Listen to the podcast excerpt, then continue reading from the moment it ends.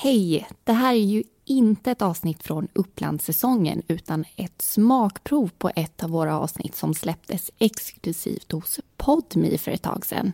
För vi publicerar nämligen ett avsnitt hos dem varje månad. Genom att bli prenumerant på Podme så kan du lyssna på alla våra avsnitt där och såklart även deras andra poddar. Du skapar ett konto antingen på podmi.com eller i podmi appen Första månaden är helt gratis så det går ju alltid att testa. Men nu så tycker jag att vi rullar igång det här avsnittet.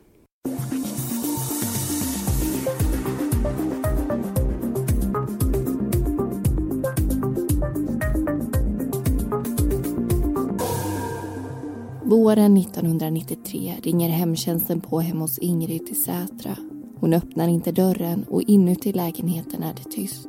En stund senare är de tillbaka med hennes son och ett par nycklar. De letar igenom samtliga rum. Sist öppnar de en klädkammare i hallen och där hittar de henne. På golvet, under en kappa, livlös. Det är inget naturligt dödsfall. Den 72-åriga kvinnan var relativt ensam i livet.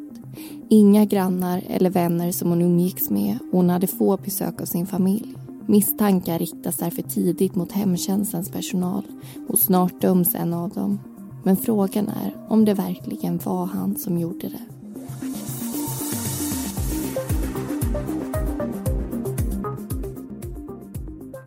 Du lyssnar på Mordpodden, en podcast om den mörka verkligheten. I veckans avsnitt ska du få höra berättelsen om Joy.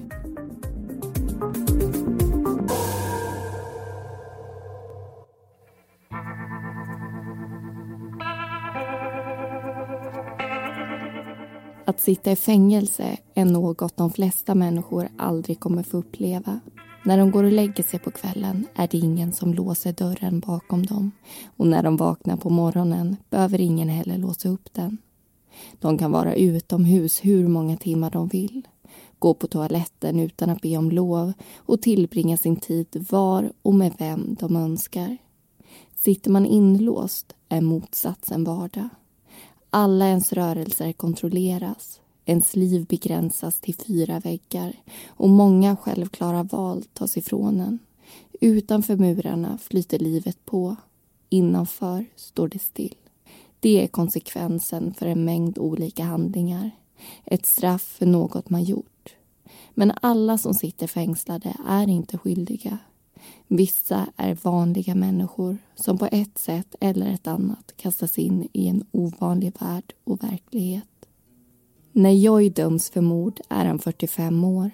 Han är gift sedan nästan tio år tillbaka med en kvinna som heter Ulrika och tillsammans har paret två barn. En åttaåring och en sexåring. Själv har Joy tolv syskon. Han föddes i Bangladesh 1949 och levde där ett relativt vanligt liv. Hans pappa var politiker och reste en del. Hans mamma var ofta hemma. Jag gick i skolan i tio år, hade fotboll som sitt stora intresse och gick från att vara barn till att bli vuxen.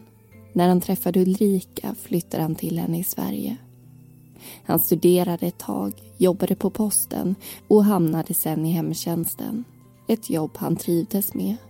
Men så mördades Ingrid och hans värld vändes upp och ner. Mot sitt nekande åtalades han och dömdes. Först i tingsrätten och sen i hovrätten. Påföljden blev densamma båda gångerna. Livstidsfängelse. Efter det inleddes en ny vardag där Joys roll som pappa, man och hemvårdare inte längre fick något utrymme. Han fick istället en roll som intagen. Först på Kumlaanstalten och sen på Hall. Till en början visste jag inte hur han skulle agera. Han satt på sitt rum och vågade sig inte ut till de andra. Men med tiden anpassade han sig. Med åren fick han också stöd från flera människor i sin närhet. Människor som trodde på honom när han sa sig vara oskyldig. Bland annat sjukhuspräster, en journalist och en advokat. Tillsammans började de jobba mot ett gemensamt mål. En resning i fallet de gjorde egna granskningar och undersökningar, gick igenom det material som fanns och försökte hitta hål i de teorier som båda rättsinstanserna dömt efter. Flera år passerade och 1997 var de till slut redo att lämna in en begäran. Sen var det bara att vänta. Hösten 1998 fick de sitt svar. Nej, det blir ingen ny rättegång. Nederlaget kändes tungt. De lät mörkret omfamna dem. Men så ryckte de upp sig, tog nya tag och bestämde sig för att försöka igen. Några år senare var det återigen dags. De lämnade in ännu en begäran. Och den 21 januari 2002 fick de ett efterlängtat besked. Högsta domstolen beviljade resningen. Det var nu upp till försvaret och åklagare att mötas i en huvudförhandling och lägga fram sina bästa argument. Om åklagaren vann skulle Joy stanna i fängelset men om försvaret lyckades skulle Joy bli en fri man. Det skulle också innebära att Ingrids mördare kanske fortfarande var på fri fot. Det är söndagen den 23 maj 1993. Klockan är strax före ett på dagen och utanför Ingrids lägenhetsdörr står Bertil från hemtjänsten. Han har med sig mat och ringer på, men ingen kommer för att öppna och dörren är låst. Efter en stund går Bertil tillbaka till hemtjänstens lokaler. Han pratar med en kollega som heter Jeanette. Hon är den som oftast brukar se efter Ingrid. Jeanette tycker att det är lustigt att den 72-åriga kvinnan inte kommit till dörren. Det har aldrig hänt tidigare. Bertil plockar upp telefonen och ringer till Ingrids son. Han frågar om hon är där. Det är hon inte. Jeanette och Bertil beger sig tillbaka till lägenheten. De ringer på dörren igen. Utifrån kan de se att ena fönstret och balkongdörren är öppen. Lägenheten ligger en trappa upp och de når inte för att klättra. De ropar och visslar men hör inget inifrån. Till slut går de tillbaka till hemtjänstens lokaler. De har ingen nyckel till lägenheten och ringer upp Ingrids son igen. Efter en stund möts de upp utanför bostaden. Sonen stoppar nyckeln i låset och vrider om. De går in och tittar igenom samtliga rum. Ingrid är inte i hallen eller på toaletten. Hon är inte heller i sovrummet eller i köket. På köksgolvet står en sophink och i hallen ligger några mattor. Det sista utrymmet att kontrollera är klädkammaren. De öppnar dörren och ser Ingrid på golvet. Hon ligger på rygg med en kappa över ansiktet. Hon andas inte.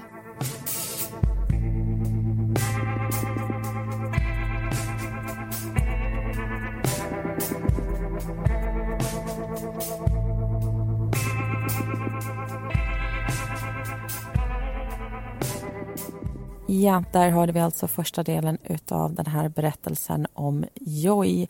Vi kan väl säga som så att det här är ett väldigt uppmärksammat fall men det betyder ju inte att alla har hört talas om det. Jag pratade med dig häromveckan, Amanda och du hade inte hört talas om det här fallet innan, eller hur? Nej, det hade jag inte. Nej, och det kan ju vara så att det skedde under en tid då vi inte tittade så mycket i tidning eller så vidare. Det är ganska många år tillbaka. Men för att sammanfatta det kort och gott kan man väl säga att det är ett väldigt grymt mord på en äldre kvinna. Och det är alltså en man som döms för det här mordet men hela tiden säger sig vara oskyldig. Och han får ju till slut resning. Och den här premiumsäsongen den är ju lyssnarval. Det är alltså ni som väljer vilka fall vi ska ta upp. Så ni får jättegärna fortsätta komma med tips. Och en gemensam faktor som vi har sett kring flera av de fall ni tipsar om och flera av de fall vi faktiskt har tagit upp i den här säsongen, det är ju orättvisa. Ja, vi hade ju det här första fallet som hette Kampen mot klockan. Det tog ju 25 år att lösa det och till slut så är det ju faktiskt ingen som döms för brottet har redan preskriberats. Sen har vi hedersmordet på Maria. Där har vi en ung förövare vilket betyder ett lägre straff. Och vi kommer ju få ännu fler sådana här fall som handlar om just orättvisa i framtida avsnitt som vi gör hos just Podmi. Och vi kan ju säga som så att det här fallet, alltså fallet om Joy, det handlar ju väldigt mycket om Joy är skyldig eller om han inte är skyldig. Och vi kommer lägga fram faktan så ni kommer få bilda era egna uppfattningar för vi har ju inget direkt svar på det här utan vi har bara det som redan har tagits upp i andra medier. Och en sak som vi tänkte prata om i den här diskussionen det är trovärdighet. Jag är ju i grund och botten en väldigt godtrogen person ska jag säga. När jag pratar med människor i mitt liv och de berättar något så tror jag på dem. Jag utgår helt enkelt från att de talar sanning och inte att de ljuger. Men döms man, då försvinner ofta en stor del av trovärdigheten. Ska man anta att risken är större att dömda personer ljuger kanske än talar sanning? Och hur hur gör man då som dömd person om man vill att folk ska tro på en och det man säger? Ja, och det där tycker jag är en riktigt bra men också en svår fråga. På något sätt så hittar ju Joy dock flera sådana här människor som ser förbi den här livstidsdomen och det här hemska brottet som han har dömts för och eh, ser honom som oskyldig. Och det här betyder ju inte att de tror honom direkt men det är många av dem som alltså kommer dit till slut som väljer att lägga ner tid på att lyssna på hans berättelser, gå igenom det här materialet och eh, ja, tro att Joy förtjänar en annan chans och en chans att komma ut därifrån. Och först så får han ju kontakt med en sjukhuspräst på Kumla. Den här prästen bes kolla till Joy för han är så himla himla ledsen. Och sen har vi en chefredaktör på ett magasin som heter Paragraf som börjar intressera sig för det här fallet och också en advokat. Och som advokat då behöver man ju inte tro på sin klients oskuld, bara att de har rätt till ett försvar, för det är ju det det handlar om. Men den här advokaten tror på Joys oskuld så mycket att han jobbar ideellt med det här fallet. Och tillsammans med journalisten så jobbar advokaten med det här i många år. De begär om resning två gånger och till slut får man alltså till en ny rättegång och vi kommer berätta mer om det här sen. Men anledningen till att journalisten tar sig en titt på det här fallet från första början det är att flera faktiskt kontaktar honom om just Joy. Flera personer i fångarnas förtroenderåd på Kumla och en man som sitter inne för att ha utfört ett beställningsmord. Han säger till den här journalisten att han är säker på att Joy är oskyldig och när han ifrågasätts så förklarar han att han vet hur en våldsman ser ut i ögonen och så ser inte Joy ut. Och om du var inne på det här spåret innan att du är godtrogen och vill tro det bästa i människor så skulle jag säga att jag är tvärtom på det.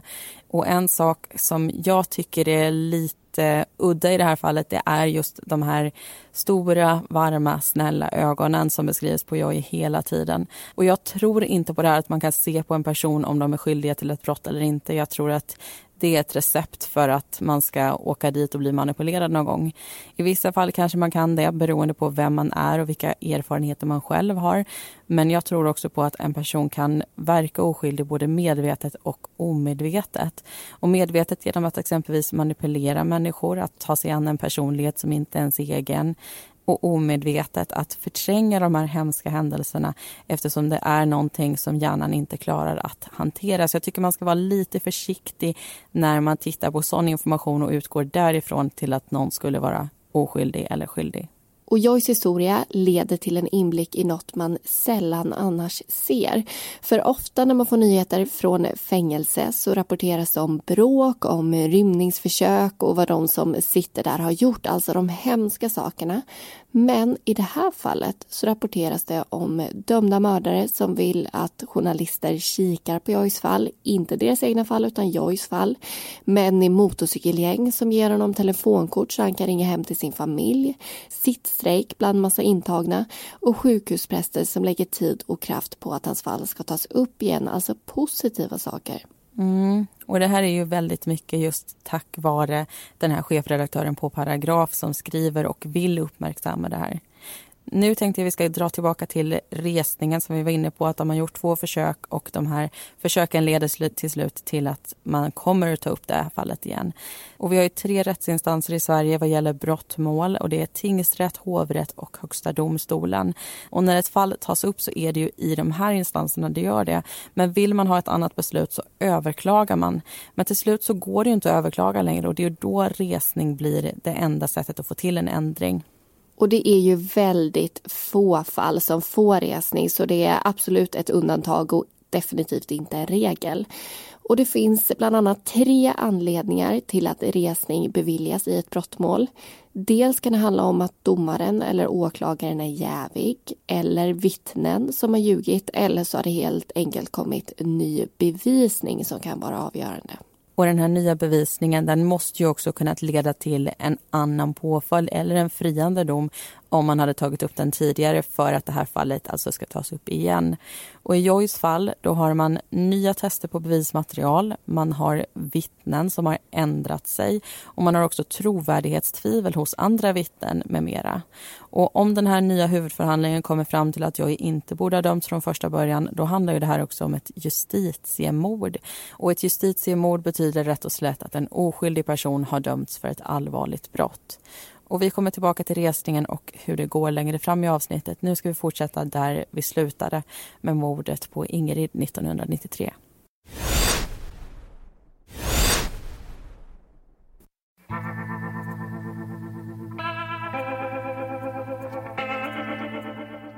Klockan halv tre på söndagen beordras en polispatrull till en adress i Sätra. I precis samma stund konstaterar en läkare att Ingrid är död. När patrullen är på plats pratar de med personalen från hemtjänsten och Ingrids son. De får berätta om det de sett och hört. Bland annat nämner de att det luktade lite märkligt i trapphuset och att lägenheten var låst med sjutillhållarlås. Polisen plockar upp Ingrids nycklar och inser snart att man bara kan låsa det låset från utsidan. De lägger också märke till det öppna fönstret och balkongdörren. Bevisningen tyder på att Ingrids gärningsperson haft en egen nyckel eller tagit den från lägenheten. Vilket av dem som är sant kommer man aldrig få svar på. Ingen har koll på hur många nycklar som fanns till låset. Strax efter klockan fem kommer kriminalteknikerna. De kammar igenom tvårumslägenheten bit för bit. I köket hittar de ett tomt mjölkpaket och ett par löständer. Skåpet under diskbänken står öppet och på golvet intill står en sophink. I hallen lyser det. Teknikerna får berättat för sig att dörren till klädkammaren var stängd och lyset släckt när Ingrid hittades. Förutom kappan som lagts över hennes ansikte hittar man också en röd snara runt halsen. Mordvapnet. På golvet ligger det bränt tidningspapper och en flaska tegul. Resterna av ytterligare en flaska har smält intill och Ingrids byxor har brunnit. Någon har försökt elda upp bevisen. Kroppen körs till en rättsläkare. Kläderna skickas vidare till SKL och man gör en obduktion. Dödsorsaken är strypning och man kan konstatera att det borde ha skett tre till fyra timmar efter att Ingrid ätit. Hennes sista måltid bestod av bönor och sylta men Ingrid har fler skador. Tolv revbensbrott och underhudsblödningar vid ena ögat. Hennes bröstben är också av. När den tekniska undersökningen är gjord har man kommit fram till att ett bråk tycks ha uppstått mellan Ingrid och hennes gärningsperson i köket. Hon har misshandlats och sen fått snaran om halsen. Den har dragits åt tills hon inte längre var vid liv. Därefter har kroppen släpats genom hallen och in i klädkammaren. Tändvätska har hällts över henne och tidningspappret. Sen har det tänts på. Men den stängda dörren har lett till för lite syre och branden har själv slocknat. Vad gäller konkreta bevis har man tagit ett par saker i beslag. Intill kroppen hittades en ICA-kasse och i den en prislapp från butiken Prisma Mat. I hallen hittar man skoavtryck och på golvet i köket fingeravtryck som senare visar sig tillhöra Ingrid. Sist men inte minst finns det två hårstrån på kroppen som inte är hennes. Polisutredningen rullar på och man pratar med människorna som kände Ingrid. Hon hade tre söner, men bara en som hon hade kontakt med och den kontakten var knapphändig. Inga grannar eller vänner. Hennes son berättar dock en sak som får polisen att fundera kring motivet. Sist han såg mamman hade hon en stor mängd pengar i sin handväska. Runt 20 000 kronor. Han försökte få henne att sätta in sedlarna på ett konto, men hon ville inte. Enligt honom borde det finnas mellan 20 000 och 30 000 kronor i bostaden. Men några pengar hittas inte. Den begränsade umgängeskretsen får polisen att titta närmare på de få som Ingrid faktiskt hade kontakt med. Där ingår hemtjänstens personal. Man pratar bland annat med en kvinna som heter Marianne. Hon var den sista som såg Ingrid i livet. Under fredagen var hon hemma hos den 72-åriga kvinnan. städade och lagade mat. När polisen pratar med hennes kollegor får de höra det ena negativa efter det andra. De berättar bland annat att Marianne tar lugnande medicin och är helt och hållet oberäknelig. Marianne delges misstanke och får sitta i förhör efter förhör. Det är påfrestande och vid två tillfällen kallar man in en läkare inom psykiatrin. Men det slutar inte med något erkännande. Marianne vet inte vad det är som har hänt och efter månader avskrivs hon från utredningen. Ett av de största spåren polisen följer upp är prislappen från Prisma Mat i Skärholmen. Man jobbar efter teorin att prislappen kan ha suttit på en av flaskorna med tändvätska och att någon i butiken kan ha sett vem som köpt dem. De begär ut butikens kassaremsor. På fredagen den 21 maj, sista dagen som Ingrid ses i livet köper någon två flaskor tegul klockan 16.11. Precis innan det köper någon fyra paket kaffe. Polisen sätter upp en lapp i butiken där de letar efter kaffeköparen. En tid senare kommer de i kontakt med honom. Det är Joy. En dag kommer... Ryan Reynolds here from Mint Mobile. With the price of just about everything going up during inflation, we thought we'd bring our prices down. So to help us, we brought in a reverse auctioneer, which is apparently a thing. Mint Mobile unlimited premium wireless. Ready to get 30, 30, bit to get 30, bit to get 20, 20, 20, bit to get 20, 20, bit to get 15, 15, 15, 15 just 15 bucks a month. So, Give it a try at mintmobile.com/switch. slash $45 up front for 3 months plus taxes and fees. Promo rate for new customers for limited time. Unlimited more than 40 gigabytes per month slows. Full terms at mintmobile.com. Två poliser hem till honom och frågar om det var han som hade köpt tändvätskan också. Nej, svarar Joy. Bara kaffe till jobbet. Tror de honom inte kan de prata med kvinnan som satt i kassan. De känner varandra och brukar småprata. Polisen håller ett förhör med henne. Hon vet vem Joy är men kommer inte ihåg vad han köpt till just den där fredagen. Runt fyra på eftermiddagen har många tagit helg och det är ofta mycket folk i butiken.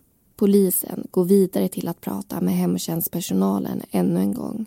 Men nu vill de inte veta vad de tycker om Marianne, utan om Joy. Henrietta är första vårdbiträde och säger att Joy varit på arbetsplatsen i Sätra i fyra, fem år. Till en början gick det bra. Han skötte jobbet väl och det hördes inga klagomål. Men något år in förändrades det. En annan kollega berättar att flera vårdnadstagare då började beskriva Joy som slarvig. Någon som fuskade med arbetsuppgifterna och bara stannade korta stunder. När flera av de äldre dessutom berättar om stölder där pengar, klockor och andra värdesaker försvunnit är det Joy de pekar ut som skyldig. Han kallas till förhör, men ärendet går inte vidare. Händelserna får konsekvenser. Joy måste plockas bort från flera personers rotation eftersom de inte längre vill ha honom i sina hem och han blir svår att jobba in i schemat. Henrietta berättar mer för polisen att Joy vid ett tillfälle blivit arg när hon inte velat ge honom en nyckel till hemtjänstens lokaler och att Joy då kallat henne fula ord och spottat henne i ansiktet. Hon beskriver honom som uppkäftig, någon som gärna ville bestämma. Hon berättar också att ingen hade velat dricka kaffet han hade köpt under fredagen. Poliserna lyssnar uppmärksamt på det ena efter det andra.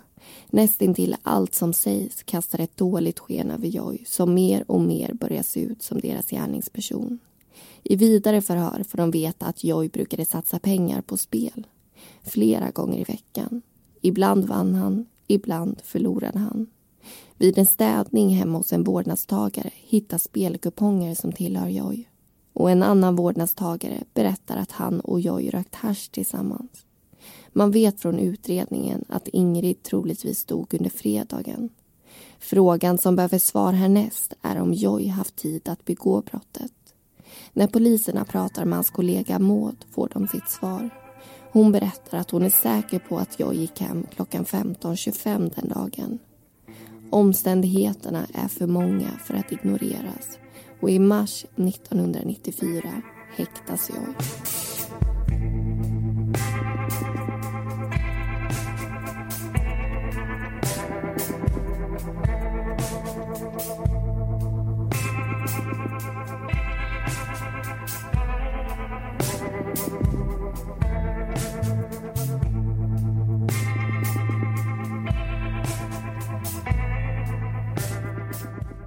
Marbella. Där hörde vi alltså andra delen av det här fallet och vi har fått veta mer om vad det var som hände och vad man har kommit fram till hittills i det. Ja, om vi ska summera det vi har hört lite grann, så är ju Ingrid alltså död och det är Joy som är misstänkt och häktad för mordet. Men det finns inga direkta bevis eller vittnen som knyter honom till mordet eller hennes lägenhet.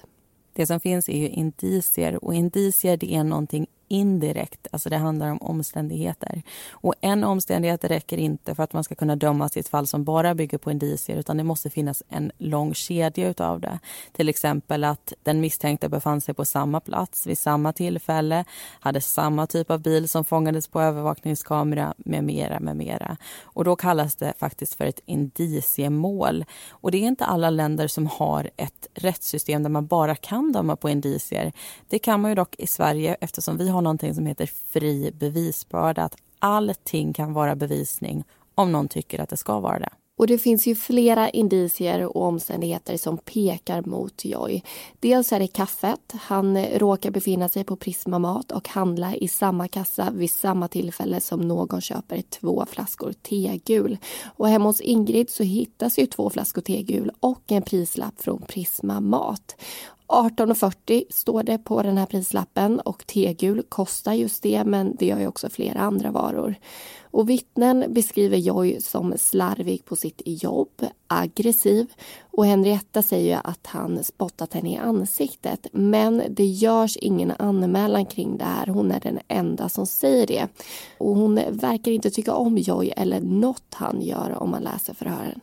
Och det berättas ju också om att det har funnits misstankar kring stöld från pensionärerna. Och där pekar ju faktiskt flera ut just Joy som misstänkt. Och eftersom Ingrid kan ha blivit rånmördad så finner man ju det här väldigt relevant. Sen handlar det om tillgång. Hemtjänstpersonalen blir ju tidigt misstänkt, det vill säga inte bara Joy utan flera av de som arbetar där. Och det beror just på tillgång. De befann sig ofta hemma hos Ingrid, de hade ingen nyckel men det var lätt för dem att bli insläppta i hennes lägenhet. Och finns det några tvivel kring hemtjänsten och Joy så blir de ännu mindre när man kopplar ihop det med en annan specifik del i bevisningen. Mordvapnet alltså. Och det är en röd remsa eller snara som hittas runt Ingrids hals. Det kommer från en julbonad, en textilduk som man hänger på väggen. Och kanten består av en röd remsa, lite som en ram kan man säga. Och den här remsan den kommer från en annan pensionär som hemtjänsten vårdar. En person som inte har någon personlig koppling till Ingrid Enda kopplingen dem emellan är just hemtjänsten som är hos dem båda. Och hos den här pensionären har Joy varit två gånger under morddagen. Och som berättelsen slog fast så leder ju det här till att Joy häktas. Han har en version om vad som hände den här dagen, åklagaren har en annan. Åklagaren menar att Ingrid mördas under fredagen mellan klockan 13.59 när hemtjänsten var på besök och klockan 16.11 då den här tändvätskan inhandlades. Och man antar att gärningspersonen efter mordet alltså har gått därifrån och sen kommit tillbaka för att just tända på och bli av med bevisningen.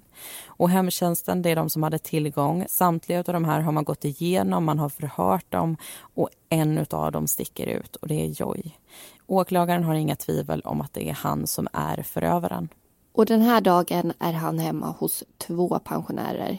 Dels en man som heter Gert och dels Ulla som är ägare till den här julbonaden som blir mordvapnet. Jag och Ulla de går till ett konditori och fikar under förmiddagen. Jag passar på att gå in på Pressbyrån och hämta ut en vinst på ett spel.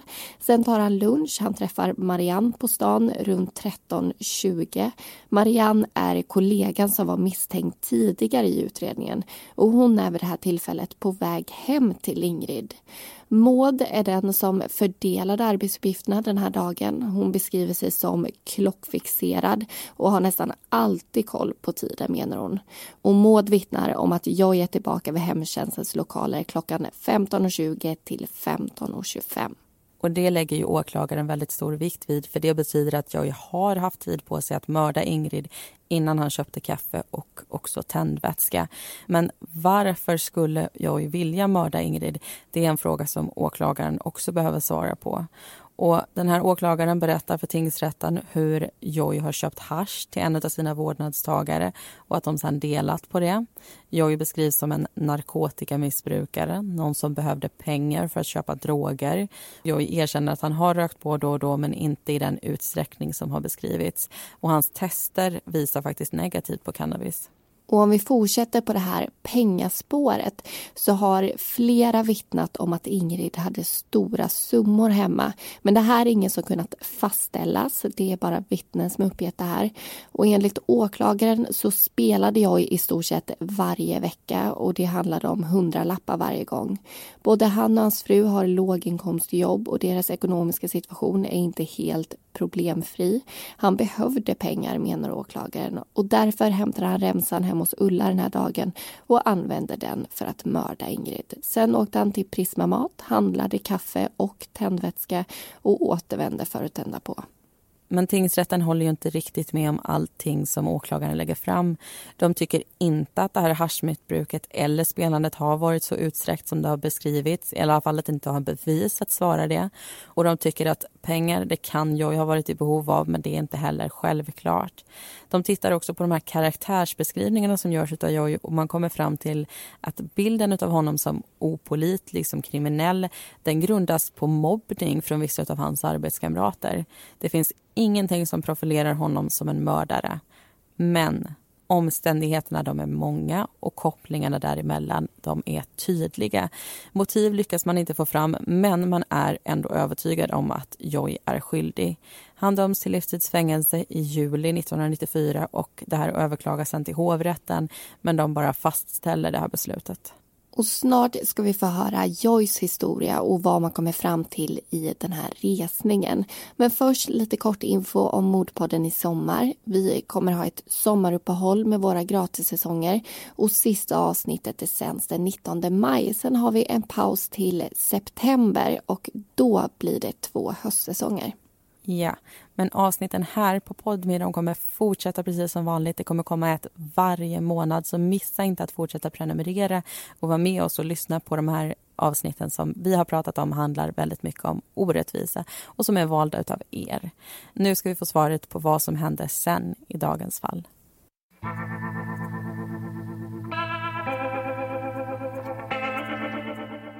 Den 21 januari 2002 har Joy suttit fängslad i närmare åtta år. Men äntligen ser han en utväg. Den andra resningsbegäran har precis blivit godkänd av Högsta domstolen. När fallet tas om i hovrätten flyttas Joy från fängelset och in i rättssalen. Miljöbytet kommer såklart med prövningar. Det är påfrestande att gå igenom en huvudförhandling vare sig man är målsägande, vittne eller tilltalad skyldig eller oskyldig. Men det innebär också att Joy är ett steg närmare friheten. Frågan är om man vågar hoppas på det i det ögonblicket eller om man håller igen för att ett nederlag kan knäcka honom totalt. För Joy var den 21 maj en helt vanlig arbetsdag. Han och kollegorna samlades på morgonen i hemtjänstens lokaler i Sätra. Må delade upp de jobb som skulle göras och skickade iväg Joy till Gert. Sysslorna varierade från dag till dag. Bädda sängar, fixa frukost, hjälpa till med påklädnad och städa till exempel. När klockan var runt tio gick Joy vidare till Ulla och tog med henne ut. De gick på konditori och pratade. Joy passade också på att plocka ut en spelvinst hos Pressbyrån. När han lämnat av Ulla hemma igen var klockan halv tolv. Han gick då tillbaka till hemtjänstens lokaler och åt lunch. Enligt schemat skulle han under eftermiddagen till Ingrid men han fick nu veta att Marianne skulle ta det. Själv skulle han bland annat göra ytterligare två besök hos Ulla och Gert. När han var på väg ut igen stötte han ihop med Marianne. Klockan var 13.20 och hon var på väg till Ingrid. Hemma hos Ulla kokade Joy potatis och stekte fläskkotlett. Han serverade henne och satte på kaffet innan han gick tillbaka till kontoret. Enligt honom var klockan snart fyra när han anlände, inte 15.25 som Maud sa. Hans pass svarade till halv fem och han frågade Maud om det var något han kunde göra. Hon hade inga extra arbetsuppgifter och Joy erbjöd sig att köpa kaffe eftersom personalförrådet började bli tomt. Han cyklade iväg och handlade och sen vidare hem. De fyra paketen tänkte han ta med på måndagen när hans nästa pass var. Resten av kvällen och helgen tillbringar han tillsammans med familjen. Försvaret berättar Joyce historia. De går också igenom den bevisning som lett till att förundersökningen öppnas upp igen och resningen blivit ett faktum. De pratar om hårstråna som hittats på Ingrids kropp, att de inte stämmer överens med Joyce, att det inte finns ett enda teknisk bevisning som kan kopplas till honom. Däremot finns det vittnen som talar emot honom som gärningsperson. Kvinnan som satt i kassan på Prisma Mat har dragit sig till minne att det inte var Joy som köpte de två flaskorna tegul utan någon annan. Och en av Ingrids grannar berättar om ett dödsskrik som hörts natten mot lördagen eller söndagen. Med andra ord är det inte alls säkert att mordet skedde på fredags eftermiddagen. Och gjorde det inte det så har Joy alibi. Snaran som används för att strypa Ingrid har gått igenom nya tester och försvaret menar att det inte är självklart att det kommer från just Ullas julbonad. Vad gäller motiv så menar de att Joy inte haft något. Han och hans fru hade över 100 000 kronor på banken och samma dag som Ingrid dog hämtade han ut en vinst på 2 600 kronor. Han spelade då och då, men det handlade om småpengar och han vann flera gånger. Tingsrätten går igenom de argument och den bevisning som lagts fram. I motsats till försvaret anser de att de nya undersökningarna av snaran styrker det faktum att de kommer från Ullas julbonad. Men att det är just Joy som flyttat snaran från den ena lägenheten till den andra går inte att säga. Åklagaren har från de tidigare förhandlingarna sagt att mordet skedde mellan 13.59 och 16.11. Man vet att Ingrid åt lunch mellan halv ett och ett. Och efter en obduktion så vet man också att de borde ha bragts om livet tre till fyra timmar senare. Skriken som hörs av hennes granne lägger tingsrätten ingen tilltro till. Uppgifterna hon lämnat har nämligen varierat. Tingsrätten fastställer därför att mordet borde ha inträffat på fredagen mellan halv fyra och fem. Alltså utanför åklagarens teori. Och det kommer få konsekvenser. Tingsrätten fokuserar återigen på Joy. Nästa fråga som söker svar är om man haft tid att begå brottet. Mauds uppgifter är det som tidigare stått emot honom. Men en sak som den nya utredningen avslöjat är att Maud haft problem med alkoholen under tiden för mordet. En kollega berättar att Maud kunde komma till jobbet berusad och att hennes chefer kände till det. Något Maud själv menar är en lögn. Samma kollega berättar också en annan sak. Att Joy var slarvig, inte skötte sina arbetsuppgifter och bara gjorde snabbvisiter vid pensionärerna kanske inte var sanningen. Det var vanligt att vårdnadstagare klagade när den som skötte om dem var man och hade utländsk bakgrund. Om Joy haft tid att begå brottet eller inte kommer man inte fram till. Inte heller går det att fastslå att han köpt flaskorna med tändvätska. Det är dock högst sannolikt.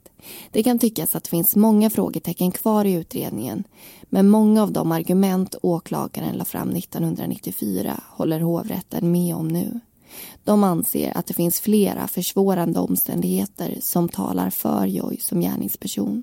Hade man kunnat slå fast att Joy hade tid att begå mordet och att flaskorna med tändvätska från Prisma Mat var identiska med de som hittades på mordplatsen så hade indiciekedjan varit stark och tvivlen kring Joy som gärningsperson få. Men man får inte fram de uppgifterna. Åklagarens snäva tidsteori i kombination med de nu ostadiga vittnesuppgifterna från Maud ger försvaret ett försprång. Att Joy dödat Ingrid står inte längre utom rimligt tvivel. Ett måste för en fällande dom i Sverige. Och efter åtta år i fängelse får han den upprättelse han sökt. Joy släpps fri. Men hur återgår man egentligen till ett liv man inte längre känner igen? Ett liv man tvingats lämna för så många år. För Joy har världen stått still. Men för hans fru och barn har den gått vidare. Det är inte en sexåring och åttaåring som möter honom i dörren utan två tonåringar som tillbringar större delen av sina liv utan honom. Han dyker inte upp i minnen från födelsedagar, skolavslutningar eller sjukhusbesök. Åtta år som intagen har kostat honom ett liv. Efter friandet ansöker Joy och hans advokat om skadestånd. De begär 25 miljoner kronor men får nöja sig med 10,2. Vid tillfället är det det högsta skadestånd någon tilldelats. När nyheten kommer är Joy i Bangladesh. Han har insett att livet i Sverige är över och har bestämt sig för att leva ett annat. Ända sedan han var liten har han uppmärksammat orättvisa. Han älskar sitt hemland, men vill förändra det. Att fattiga ska få samma möjligheter som rika. Att ingen ska behöva gå hungrig eller tvingas sälja sina barn. Han drar igång en välgörenhetsorganisation, bygger en vårdcentral och ger mindre företagare mikrolån. De låga räntorna ger fler en chans att komma ur det liv de fötts in i. Men 2008 hamnar Joys namn återigen i tidningsrubriker. Han sitter häktad i Bangladesh misstänkt för ett mord. Tre år tidigare hade en av hans hundratals medarbetare försvunnit. En ung man som arbetade som kassör. 2008 hittas en förmultnad kropp i en flodbank. Kroppen identifieras som den försvunna mannen och polisen misstänker direkt Joy. Han häktas medan utredningen pågår. Landet är inte känt för ett välfungerande rättssystem. Korruption är utbredd och erkännanden kan pressas fram genom såväl psykisk som fysisk konfrontation. I nästan två år är Joy fast bakom lås och bom igen. Men det blir aldrig något åtal eller någon dom. Han släpps 2010. Fyra år senare är han 65 år. Han genomgår en hjärtoperation och drabbas av komplikationer som gör att han avlider. I Sverige minns de flesta Joy som ett rättsfall. Antingen en skyldig man som gick fri eller en oskyldig man som satt fängslad. Svaret på vad som verkligen hände kommer vi aldrig få. Det är bara Ingrids mördare som vet.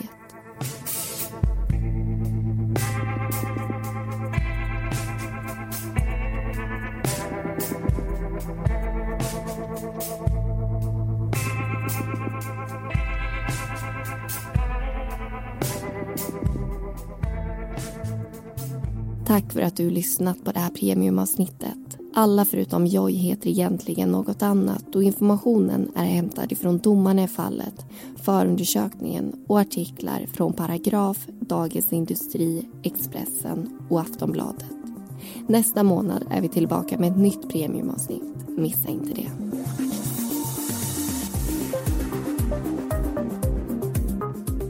Du har lyssnat på Mordpodden. Vi som har producerat den heter Amanda Karlsson och Linnea Bolin.